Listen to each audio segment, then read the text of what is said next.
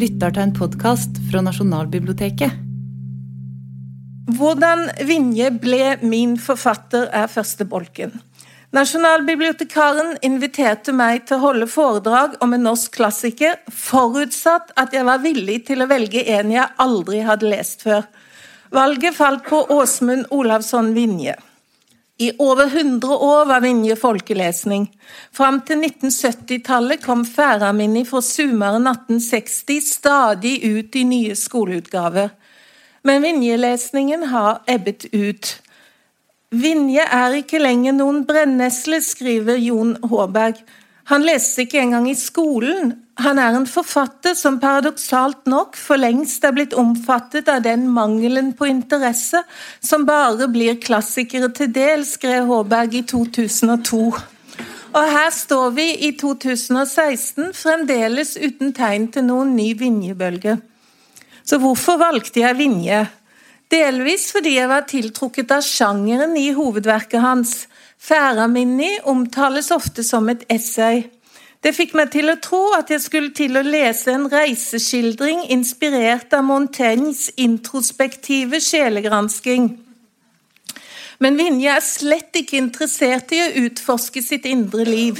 Tvert imot, alt på første side i Færaminni erklærer at han vil til fjells for å gløyme meg sjøl, skriver han, så kom ikke langt med den. Likevel er teksten essayistisk slentrende, full av innfall, uventede emner og originale refleksjoner. Færaminni blir ofte kalt journalistikk, for Vinje var bladmann. I 1858 begynte han å gi ut bladet Dølen på det splitte nye landsmålet, som ikke ble omdøpt til nynorsk før i 1929. Første del av Færaminni kom ut som et spesialnummer av Dølen den 2. februar 1861. Andre del kom i slutten av juli samme år. Færaminni er altså en reportasje utført av Dølens redaktør men moderne sakprosa forstått som ren reportasje er den likevel ikke. For her er det mye fiksjon, uten at boka dermed blir til en roman. Vinje markerer aldri at fiksjonen er fiksjon, forresten. Men han sier klart fra når han gir seg til å fortelle skrøner og didaktiske historier om bønder, prester og predikanter. Dessuten legger han inn mange fine dikt. Å lese Vinje er å bli minnet om hvor viktig det er å interessere seg for fortidens litteratur. For intet er helt nytt under solen, og litteraturhistorien vil alltid inneholde inspirasjon til nye tanker. Dagens eksperimentelle sagprosaforfattere som utfordrer alle tradisjonelle sjangerkategorier, kan med fordel studere Vinjes bruk av fiksjon i en essayistisk reiseskildring. Uten at jeg planla det slik, har dette foredraget fått samme form som Færaminni. Vinjes bok består av korte bolker med vidt forskjellig innhold som holdes sammen av reisen, men også av opphavsmannen som er til stede i teksten fra første til siste side. Jeg har også skrevet relativt korte bolker som tar for seg Vinje og Færaminni fra forskjellige synsvinkler. Formen ble slik fordi verken teksten eller mannen la seg oppsummere i et overgripende helhetssyn. I forhold til Færaminni fungerer ikke nærlesningens jakt på organisk enhet og estetisk autonomi. Etter hvert gikk det opp for meg at ordet Vinje ikke bare er navnet på en virkelig historisk person som også opptrer som karakter i Færaminni, men at Vinje også er navnet på de forskjellige bildene den norske kulturen har dannet seg av teksten og mannen. Jo mer jeg arbeidet med denne oppgaven, jo mer fascinert ble jeg nettopp av det kompliserte, sammenvevde forholdet mellom teksten, mannen og kulturen. Og det er den veven jeg skal forsøke å forstå i dette foredraget. Men hvorfor hadde jeg ikke lest Vinje før? Jeg må ha hatt en uklar følelse av at Vinje var en slags norskdomsfanatiker, en nasjonalromantiker som vandret rundt i fjellheimen og deklamerte dikt om Dovre. Over Vinje-navnet hang det en eim av rosemaling, folkedans, bunader, husflid og gamle telemarksdialekter. Og jeg har aldri vært interessert i den slags. Som tenåring hadde jeg helt andre idealer. Kvinnekamp, Simone de Beauvoir, intellektuelt kaféliv i Paris, filosofi og litteratur fra alle andre land enn Norge. På gymnaset på Bryne skrev jeg særoppgave i historie om Machiavelli, fordi jeg, som bodde på Varhauga, aldri hadde vært i utlandet, elsket tanken på at det her i verden faktisk fantes noe urbant, kynisk og italiensk. Nå som jeg faktisk har lest Færaminni, ser jeg at mitt bilde av Vinje var helt feil. Ane Fassetås gjorde samme erfaring. Istedenfor å finne en nasjonalromantiker, fant hun en kvass opplysningsmann. En fritenker opptatt av geologi, jernbanebygging, hygienisk fjøsstell og rasjonelt jordbruk. Etter å ha lest Færaminni opplevde hun Vinje som og jeg siterer, et, inspi et, inspirerende forbilde, fordi han var en mann som hun skriver, arbeidet intenst med å lage seg et rom for sosiologisk, nasjonal, kulturell, estetisk, formmessig, geografisk og språklig frihet. Men det nasjonalromantiske Vinje-bildet vi bar med oss, er ikke fri fantasi. Det er en løs improvisasjon over landsmålstradisjonens bilde av Vinje. I 'Vinje på Vrangen', som kom ut i 1985, og fremdeles er den klart beste boka om Vinje, forklarer Jon Håberg at det fram til 1980-tallet fantes to tradisjoner for å lese Vinje. I sin samtid ble Vinje stort sett enten ignorert eller latterliggjort av hovedstadspressen. Han ble gjerne oppfattet som en rå kyniker, en uanstendig og hensynsløs mann som ikke kunne vente støtte fra det gode selskap. Vinjes målstrev bidro også til å marginalisere ham. Mer vennligsinnede lesere, anført av Vinjes gode venn Paul Botten Hansen i Illustrert nyhetsblad, så ham som en unik personlighet, en harlekin-figur, ironiker og samfunnskritiker. Men på 1860-tallet, etter utgivelsen av Færaminni, sto Vinje likevel svært isolert i norsk kulturliv. En stund etter Vinjes død, som jo var i 1870, begynte den ene målmannen etter den andre å framstille Vinje som lidende og alvorstung, en mann full av ånd og smerte. I 1890 kalte skole- og målmannen Vetle Wisli eit sanningsvitne, ein martyr, et offer. Landsmålsbevegelsen visste hva som sto på spill. Det gjaldt å få norsk kultur til å ta Vinje alvorlig. Jo mer kanonisert Vinje blir, jo bedre for landsmålet. Men i dag ser vi at det omvendte også gjelder. Jo mindre omstridt målsaken er, jo lettere er det for selv den mest ihuga nynorskbruker å innrømme at Vinje ikke bare var målrørslas profet og martyr, siden 1980-tallet har de to tradisjonene, bokmålsleirens ironiske harlekin og nynorskleirens alvorstunge martyr, åpnet seg for hverandre. Før Håberg var det så å si bare aktive målmenn som skrev bøker om Vinje. Merk at jeg sier målmenn. Ingen kvinne har skrevet bok om Vinje. Ytterst få kvinner har skrevet noe som helst om Vinje. Jeg har funnet én masteropp, en masteroppgave pluss en artikkel av Ane Farstedt Aas. Det finnes sikkert med, men det er iallfall ikke de åpenbare tekstene om Vinje som er skrevet av kvinner.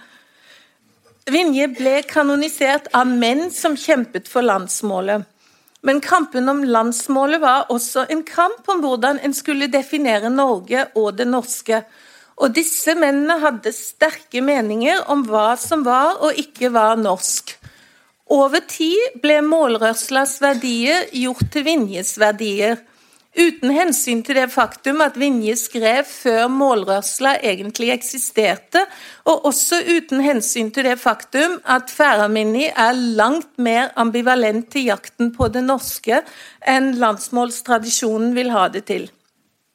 I 1985 talte Håberg denne tradisjonen midt imot. Han grov Vinje ut fra den tyngende norskdomsstriden. Håbergs Vinje er en karnevalesk ironiker som snur alle vedtatte sannheter opp ned.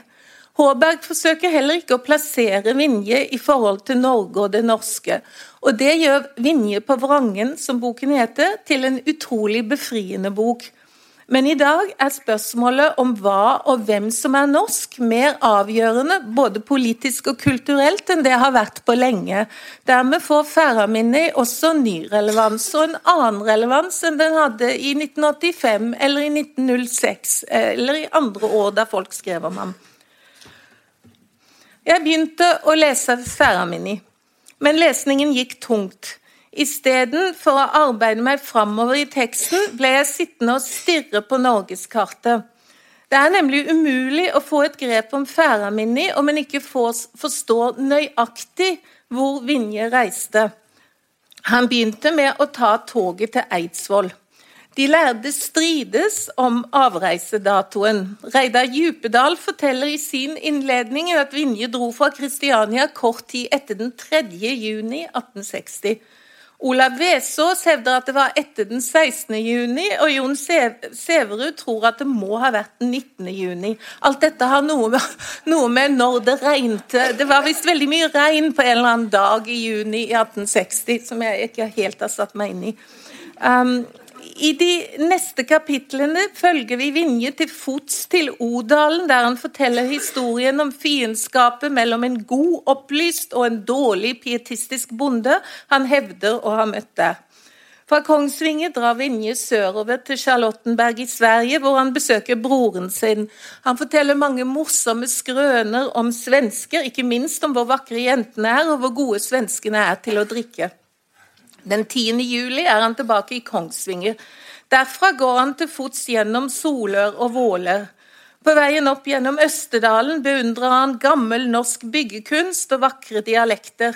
Og så drar han til fjells, altså fjells, Rondane, tror jeg um, kommer til det. Han legger da veien over Rondane, der han møter den gamle Malene fra Folldalen, og tar den stupbratte vårstien ned gjennom Drivdalen, mens han beklager seg over, og jeg siterer, og all dovenskapen og slusking og fåkunna som fremdeles finnes blant norske bønder.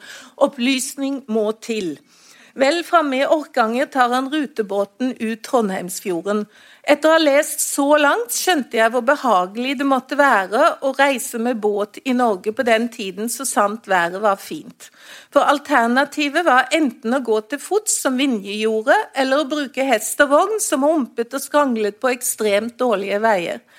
Målet for turen, kroningen av den svensk-norske kong Karl 15., var det vel, i Nidarosdomen, var nå nådd.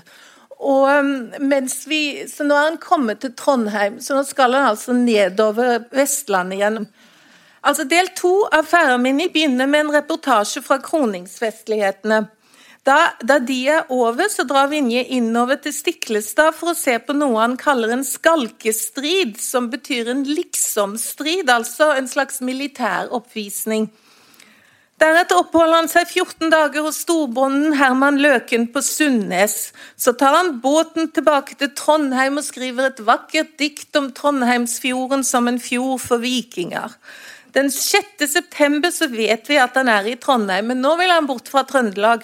Han tar rutebåten til Kristiansund, reiser over land til Molde og videre inn Romsdalsfjorden til Åndalsnes.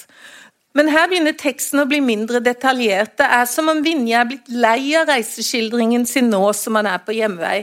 Men han gjør det fullstendig klart at han slett ikke liker jordbruket på Vestlandet, for der var teigblanding ennå vanlig, og både jordlappene og husene var altfor små. Utskifting, altså jordskifte, må til, mener Vinje.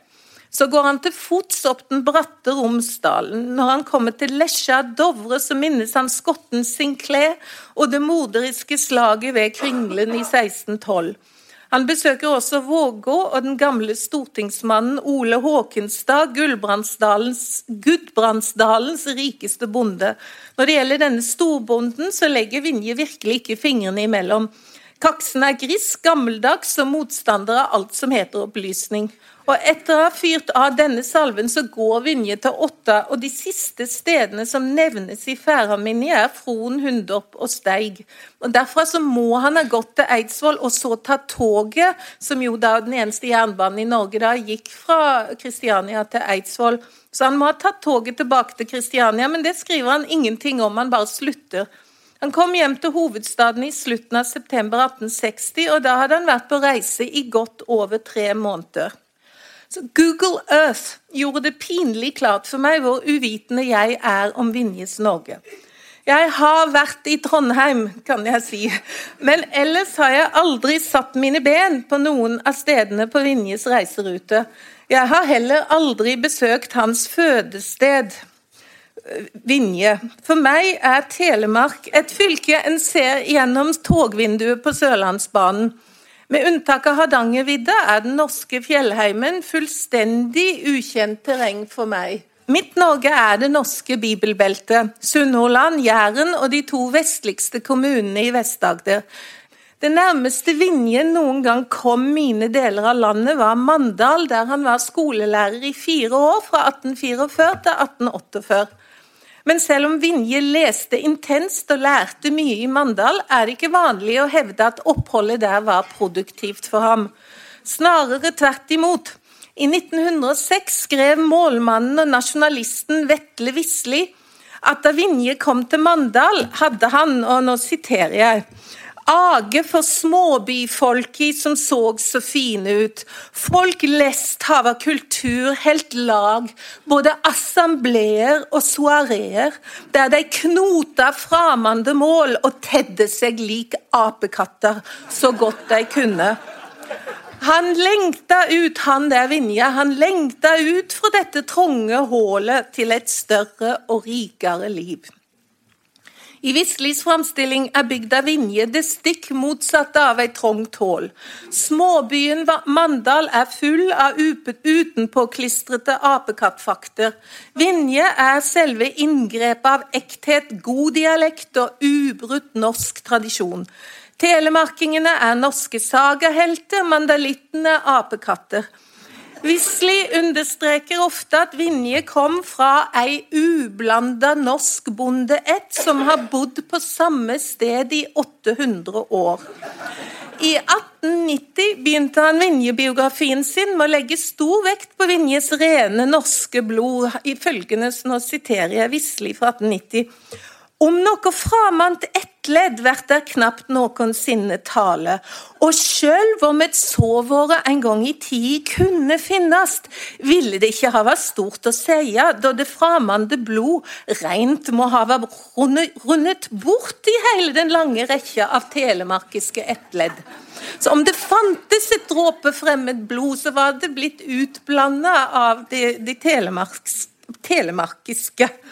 Jon Sæverud, som har skrevet en flott bok om å reise i Vinjes fotspor, mener at alle biografiene om Vinje før 1980 er gjennomgående noe skakke og vindskeive nasjonalideologiske prosjekt, og det har han altså rett i.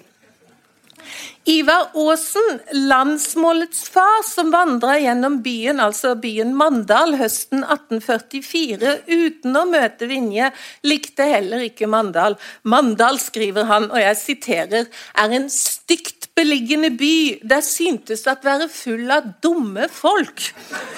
Dessuten mislikte han dialekten både der og i resten av Vest-Agder. Dialekten i Mandal og omegn, skriver Aasen, er ikke av noen viktighet, for den er bare en mellomart av norsk og dansk. Dialekten i Telemark, derimot, er derimot av meget verd skriver Aasen, ikke bare har den en smakfull orddannelse og avledninger, men den er også et kulturspråk i ubrutt bruk siden um, middelalderen, i sagn, skrøne, ballader og kjempeviser. Aasen besøkte aldri Liknes eller Moi i Kvinesdal, der jeg føler god tilhørighet like så mye som i, på Moster og i Matre.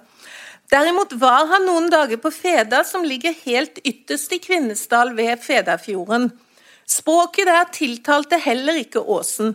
Språket her, skriver han, er nesten et byspråk, hvorimot det egentlige bondespråk kun finnes i de avsidesliggende daler, hvor det dog også synes at være i forfall. Gården Moi ligger i Østerdalen i Kvinesdal, som nettopp må være en av disse tilbakestående dalene der dialekten er i forfall. Så der var Jæren, og nå kommer vi til Kvinesdal. Når jeg leser slikt, så føler jeg meg som en total outsider, til tross for at jeg også kommer fra slekter som har bodd på samme sted i hundrevis av år. Men helt ublanda norsk blod er jeg slett ikke sikker på at jeg har. På Moster gikk det nemlig rykter om at en fransk munk en gang i middelalderen forøket genbassenget på øya. Det sa i hvert fall alltid moren min.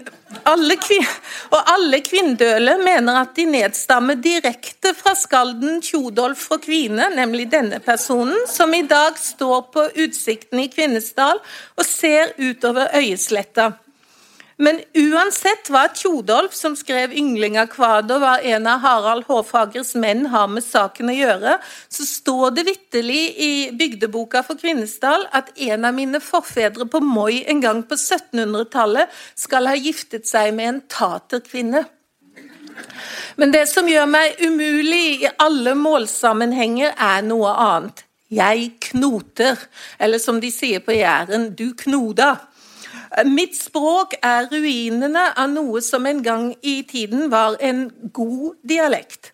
Fram til jeg var sju år gammel snakket jeg nemlig sunnhordlandsdialekt, og Ivar Aasen, som tilbrakte seks uker i Skånevik, der broren min ble født, syntes målet der var nesten like bra som i Hardanger. Men Ivar Aasens syn på hva som er gode norske dialekter, forklarer ikke hvorfor jeg foretrakk Machiavelli framfor Vinje. Sannheten er at jeg oppdaget noe om norsk språkpolitikk da vi flyttet til Østlandet. På Kykkelsrud oppdaget jeg nemlig raskt at det på 1960-tallet slett ikke var ok å snakke landsmålsdialekt med skarre-r i Østfold. Bokmål med skarre her var heller ikke fullt ut akseptabelt, det fikk jeg raskt høre. Alt som 20-åring forsto jeg derfor at her i landet var ikke målform en nøytral størrelse, men noe som hang intimt sammen med identitet og makt.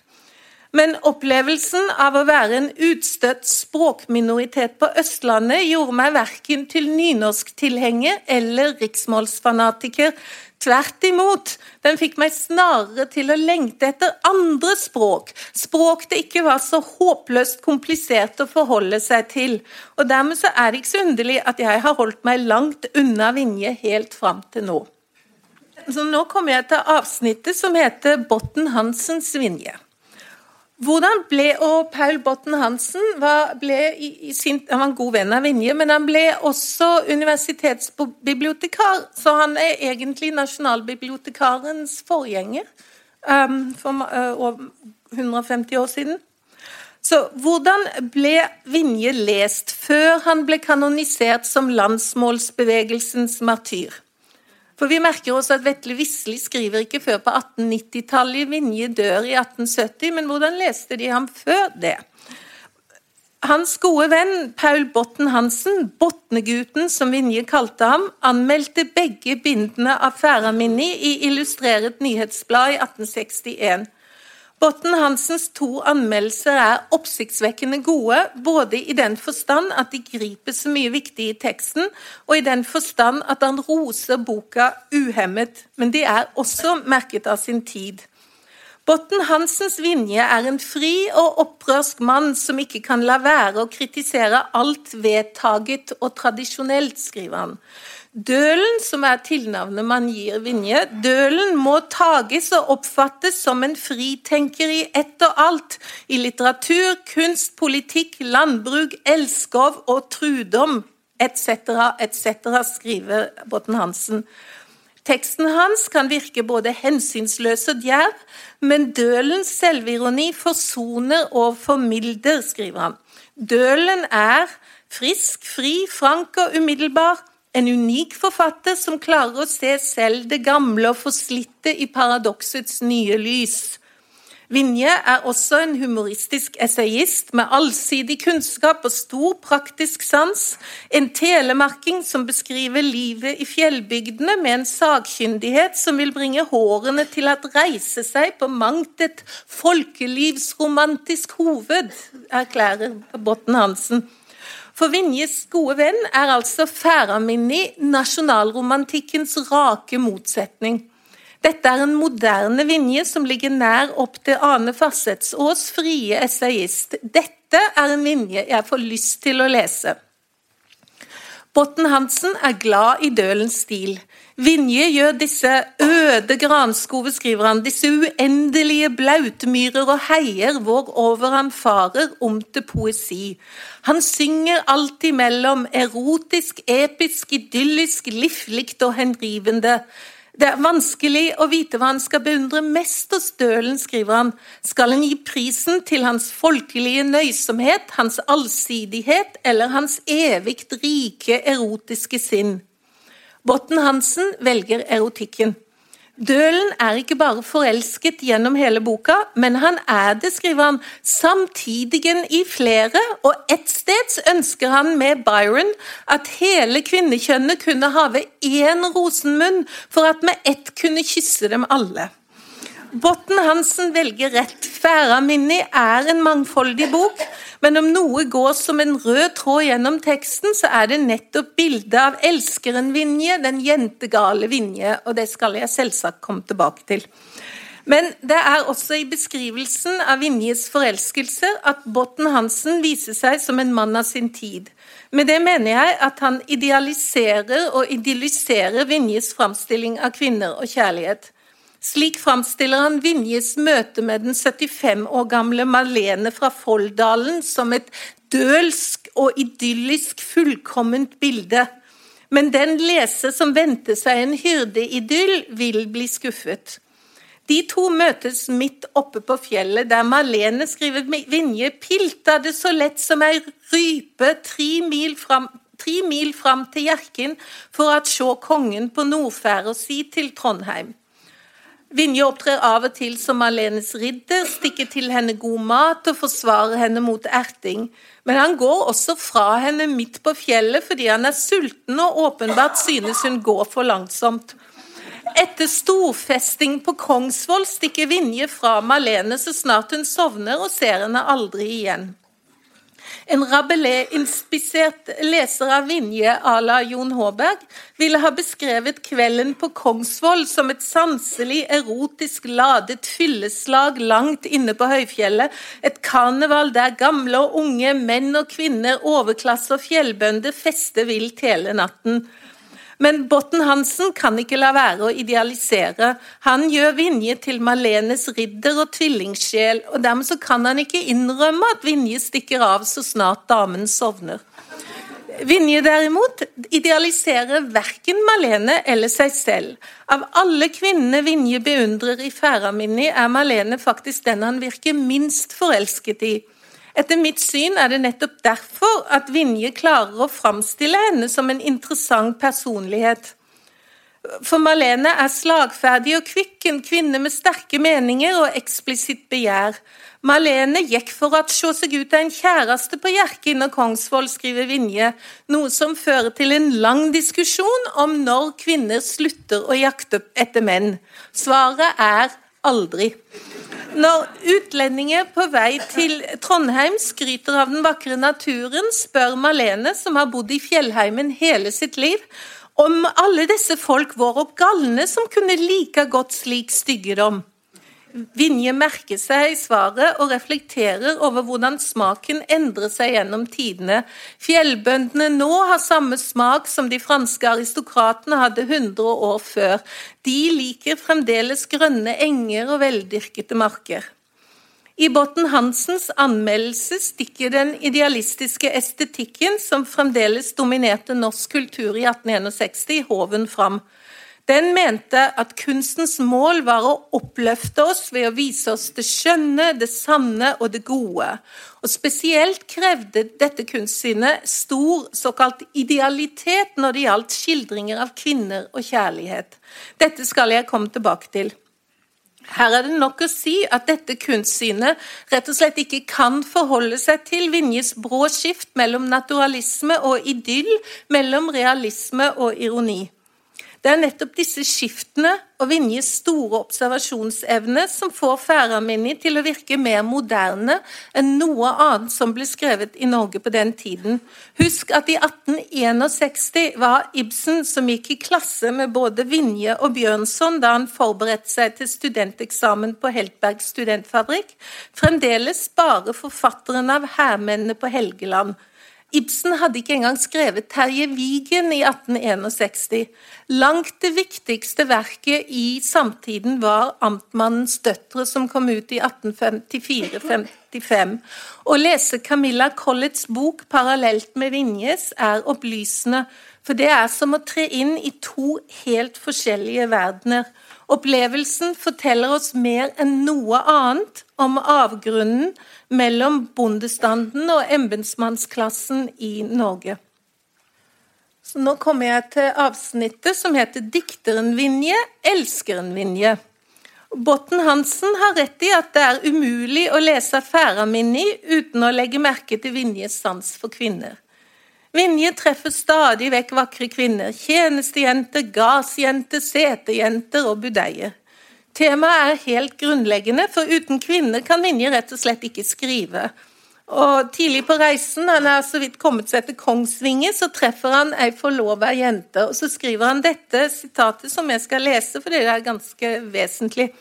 Dersom denne jenta ikke alt hadde vært trulova, så er det truleg at jeg var vorden forelsket. Men da jeg på mine eldre dager strever etter at halve det tiende bud Om noen har glemt hva det er, så er det det der med å begjære sin nestes hustru og sånt. Så skrev jeg visa eh, Altså, dette gjelder et dikt han skrev i minneboka til jenta. Uten, uten stor elskhug. Men så kommer poenget. Men noe forelska må mannen alltid være når han dikter, helst når den vene jenta sitter og ser på. For det er med dikteren som med gauken, at han bare gjelder om våren. Når han, hev, funnet, når maken sin, så tagner han, for da hever han fenge det han gol etter. Det er likeens med orren og haren og mange andre fugler og dyr. Ja, det går vel an å lese dette som et tradisjonelt romantisk bilde av den vakre kvinnen som dikterens muse. Hun skal jo sitte der og se på mens han skriver. Men for Vinje altså Dette er ikke en europeisk muse, påstår jeg. For Vinje er ikke forelskelse bare en øm følelse, eller som Botten Hansen vil ha det til, en ideal streben etter det skjønne, det sanne og det gode. Sammenligningen med gjøken og orrhanen viser hva det gjelder. Hanndyrets opphissete jakt på en make. Dikterens skrift er styrt av driftene som orrfuglens paringsdans og gjøkens gal. Og når gjøken har fått det han gol etter, tier han stille. Dette er naturalisme, vil jeg hevde, og ikke idealisme. Så nå kommer vi til et avsnitt som heter Erectio penis. Den kåte Vinje. Tro det eller ei, jeg siterer Vinje her. Både Botten Hansen og landsmålstradisjonen fortier Vinjes naturalistiske syn på seksualitet. Den idealistiske estetikken tålte ikke referanse til såkalt rå og vulgær seksualitet. Mål, målsaken trengte en martyr, ikke en satyr. Vinje selv tok ikke slike forbehold. I, november 1862 var han i Skottland, hadde stipend for å skrive om Bretland og britene. Derfra sendte han Botnegutten et nytt dikt med tittelen 'Eit liv', som, han, som til trykking i Illustrerets nyhetsblad. Men sammen med diktet så skrev han da et langt brev til eh, Botten Hansen, og der skriver han at han lever langt sunnere i Skottland enn i Norge. Jeg er sulten til måls og eter godt og kjenner meg sterk. Det var for jeg er sterk jeg kan gjerne mellom oss si at dreven av erektio penis. At jeg skrev dette jeg sender deg. For du veit, folk er jo liksom sjuke da. Det er sangtid, det, for poeten som fuglen. I Færaminni handler det om gauken og orrhanen. I brevet må vi nøye oss med fuglen. I Færaminni kaller han tilstanden forelskelse. Her i brevet bruker han sakens rette navn nå forstår jeg hvordan Vinje kan forelske seg så ofte og så forbigående gjennom hele Væraminni. Og hvorfor han faktisk ikke er det minste forelsket i Malene fra Folldalen. Dette sitatet har vært kontroversielt. Da Halvdan Koht ga ut brevet fra Skottland i 1915, strøk han rett og slett bisetningen som inneholdt det rå latinske begrepet. Først i 1969, da Olav Midthun redigerte en ny samling av Vinjes brev, ble den usensurerte versjonen tilgjengelig for allmennheten. I 1984 ble uttrykket 'erectio penis' kjernen i et underlig ordskifte mellom to menn, nemlig den aldrende åndskjempen Sigmund Skar og den fra Skars synspunkt unge spirrevippen Sveinung Time. Time siterte nemlig de to ordene i en artikkel i Syn og Segn, der han forsøkte å gjøre Vinje til en postmoderne poet med tidsriktige syn på signifikantens frie, libidinøse spill. Da ble den 80 år gamle Skar opprørt. Koht hadde gjort rett i å stryke uttrykket, skrev han, for ikke i sine villeste drømmer kan Vinje ha tenkt det mulig at det han her skrev i trumål, i trumål til en venn mellom oss, noensinne ville komme på prent. Dessuten overser Time at diktet 'Et liv' slett ikke er usedelig, siden det tross alt beskriver et monogamt parforhold med barn. For en ung mann på 1980-tallet var slike moralske argumenter helt uten interesse. Time svarte med å snakke om Vinjes prinsipielt og jeg siterer, flytende prosessuelle skrivemåte, som gjør Vinjes språkpraksis radikalt moderne. Ordskiftet ble mer 'god dag, mann økseskaft' enn dialog. Time argumenterer slik en kan vente av en mann som har lest Christevat og Lacan tidlig på 1980-tallet. Og her vil jeg tro at jeg helt sikkert ville ha vært enig med Time om jeg hadde lest artikkelen da den kom ut. For han og jeg leste de samme tingene på den samme tidsriktige måten på den tiden. Men Skars reaksjon kommer fra en annen tidsalder. Den gjorde meg nysgjerrig. For Skar er ikke bare en av norsk kulturlivs mest markante personligheter på 1900-tallet. Han skrev også Norges første og eneste doktoravhandling om Vinje i 1938. Og ikke bare det. I den store avhandlingen så gir han hedersplassen nettopp til Eit liv, diktet Vinje skrev 'Erectio penis'. Hvordan er Sigmund Skars Vinje? Sigmund Skas idealistiske Vinje heter dette. A.O. Vinje og antikken studier i norsk åndshistorie er en sprenglærd avhandling på nesten 450 store, tettrykte sider. Skars hovedargument er at den motsetningsfylte, ironiske, selvspottende Vinje når sitt høydepunkt når han tar det beste fra den greske antikken opp i sin egen modernitet. Det antikke ved Vinje, hevder Skar, er at han har ei barnleg tillit til mennesket og verda som springer fram ord hans, ord hans djupeste sjelsgrunn. Just i sin djerve fridom er natura sunn og god, slik han sjøl var. Altså Vinjes norske bondebakgrunn har gitt ham en kontakt med naturen som er helt fraværende hos urbane diktere. Grunnen til at Vinje har et slikt opprinnelig, ukomplisert forhold til naturen, er altså den urnorske bondeslekta. Den norske bonden har nemlig et syn på naturen og verden som spontant harmonerer med antikkens greske ånd. Fordi Vinje kjenner seg igjen i antikken, blir den en personlig dimensjon av livet hans. Selve symbolet skriver skap for de konstruktive maktene som knytter livet hans i hop. Ifølge Skar er denne spontane naturfølelsen, som altså er både innorsk og gresk samtidig, um, eh, som gjør den kompliserte, mangslungne, ofte ville Vinje til et helt menneske. Da jeg leste dette, så slo det meg noe helt sånn, det slo meg sånn totalt, nemlig først Skars argument virker desperat gammeldags på meg.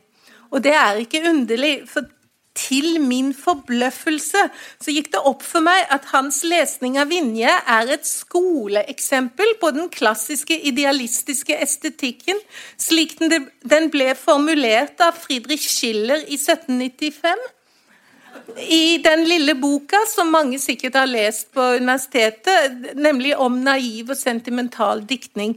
Schiller er idealist fordi han mener at diktningens rolle er å løfte oss opp til større frihet. Altså skulle, det er mer å si om dette, men Schiller var altså en radikal idealist. Når du kommer ut på, 19, på 1800-tallet, så blir de veldig konservative, men det er et annet argument.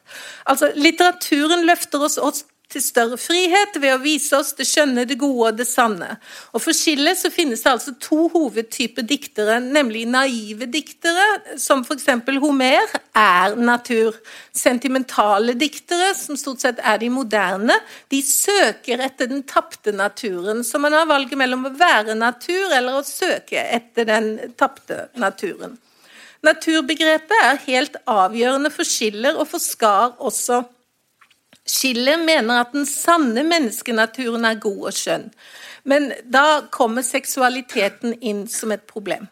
For selv om seksualiteten nok også er naturlig, så er den uheldigvis rå og vulgær.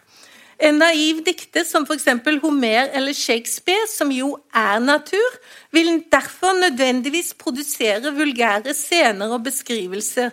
Slik råhet må unngås hos moderne diktere. Derfor må alt som har med kjærlighet og kjønn å gjøre, idealiseres. For å bli poetisk ideell må seksualiteten sublimeres, foredles og forskjønnes. Siden kvinnen er bærer av kjønnet for Schiller og hans mannlige åndsfrende, må skjønn litteratur nødvendigvis idealisere kvinnene. Dette skilleske idealet dominerte åndslivet i Nord-Europa, inkludert Norge, i nesten 100 år, og vi har alt sett at det, det, det sniker seg inn i Botten Hansen sin lesning av Vinje. Skars argument er rett og slett at Vinje er en stor dikter fordi han er en naiv dikter i skillesk forstand. Med andre ord, Vinje er natur, akkurat som Homer. I sine beste stunder gir Vinje fritt og utvunget stemme til Homers ånd. Skars idealisme er langt mer gjennomført enn Botten Hansens. Mens Botten Hansen fremhever Malene fra Folldalen, foretrekker Skar avsnittet som heter Huldra, og som handler om Vinjes overnatting på ei sete der han møter den vakre setejenta Anne. Og her har vi da Dette er jo den berømmelige eh, Aften ved seteren, som også ble gjort som syngespill og tablå og alt mulig på teateret rundt 1850 i Norge. Men dette er den idealiserte setejenta slik den ble sett omtrent på den tiden. Ska, men Skar skriver i 1938, husk. Altså, Skars argument er uh, rett og slett at Huldra-avsnittet uh, er det beste i hele Færaminnet. Huldra er for, for, øvrig avsnittet som begynner med det beste diktet og det mest berømte diktet i hele boka, nemlig 'Nå ser eg atter slike fjell og daler som deg meg i min første ungdom såg'. Men Skar er ikke opptatt av diktet, men av Vinjes møte med seterjenta Anne, som blender med sin skjønnhet, renhet og fine manerer. Hun er kledd i en upp, skriver Vinje, en oppbunden, stripete kjole av fint tøy, tøy og med en drivende hvit en under, kantet med kvik, kniplinger, og hun taler til ham med sitt mjuke mele likt det lindeste samljod fra strengen. Da det viser seg at hun har hørt om han, blir Vinje både stolt og glad. Men, skriver han, jeg var redd, for jeg trodde at det ikke kunne gange rett til alt dette, men at jeg måtte være bergteken, for hus og jenter, alt sammen var liksom et eventyr. For Skar er dette Vinje på sitt beste, et perfekt uttrykk for den antikke greske ånd i et folkenorsk emne. I Huldra, skriver han, er assimilasjonen av det greske fullstendig. Stykket er klassisk uten et eneste ytre merke. I denne delen av Færaminni gir Vinje seg over til følelsene uten tvisynte atterhall, skriver eh, Skar. Det er setejenta Anne som skaper idyllen. Og hun er ikke et individ, men en type, nemlig typen ungjenta som Navsika og Dorothea, Louise og Lotte, skriver Skar. Nå Legg merke til hvem Skar sammenligner Anne med. Navsika i Odysseen. Dorothea fra Goethes idyll 'Herman und Dorothea', som Schiller mente var Goethes største verk. Louise Miller i Schillers eget skuespill 'Kabale und Liebe', 'Intriger og kjærlighet'. Dette er, dette er ting som ble skrevet på 1780- og 1790-tallet. Og Lotte i Goethes fortelling 'Unge Werthers lidelse'. 1774. Bortsett fra Homer er ikke dette de gamle grekere, men Schilles idealistiske kanon fra sin egen samtid. Nå skal jeg bare lese et par avsnitt til, og så skal vi ta pause midt i det mest spennende, sånn at vi får en sånn cliffhanger her. Altså, dette avsnittet heter 'Den nakne Odyssevs på Tahiti'. Um, Sigmund Skar er klar over at Vinje selv ikke akkurat var en forfinet heltetype. Vinje er blitt kalt en barbar, innrømmer han. Med Kittelsens tegning av Vinjefurua i tankene sier Skar at han godt kan se for seg Vinje som en gresk barbar, altså en person som grekerne kalte barbar. Nemlig en person som har noe ubeskrivelig ugresk, noe vilt kraftig, bondeaktig og tillige noe herlig fritt over seg. Men egentlig er Vinje en fullblods gresk helt skal skrive Når jeg stundom har freista tenkja meg møtet hans med antikken i et plastisk bilde, har det alltid forma seg for meg i den homeriske scena der den stormslegne Odyssevs vasser i land på Fajakstranda, villskjeggut, saltgrimut, sjøsår og naken, og med ei lauvgrein framfor sume ting blygt nærmer seg den linhvite Nausika. Og her har vi da Nausika igjen. Og bildet av den nakne Odyssevs med løvgren over sumeting fører oss over i Skars lesning av Eit liv, altså Vinjes erectio penis-dikt. Her, og her er historien nemlig altså i Skottland i 1862 leste Vinje en artikkel om livet på Tahiti som ifølge Skar, som har lest artikkelen, forteller om den innfødte skikken at kvinnene sym ut til skipa nakne og vel seg vene mellom mannskapet i sitt naturlige uskyld. Forfatteren skildrer det uvigde samlivet åt disse to som en edel naturpakt, og som en motsetning til overkulturen hjemme i England. Slik at eh, Forfatteren skildrer da det uvigde samlivet og disse to som en edel naturpakt, og som en motsetning til overkulturen hjemme i England. Og Da Vinje leste dette, så skrev han da sporenstreks diktet 'Eit liv'.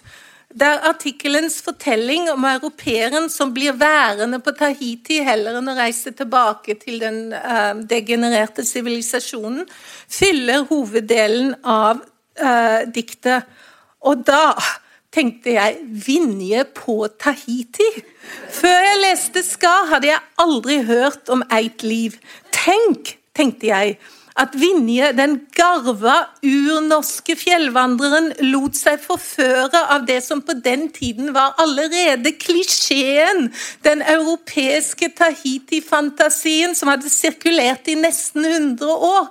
Og dette er høydepunktet av Vinjes forfatterskap for den store Sigmund Skar. Og der tar vi da pauser, så skal jeg snakke om et liv etterpå.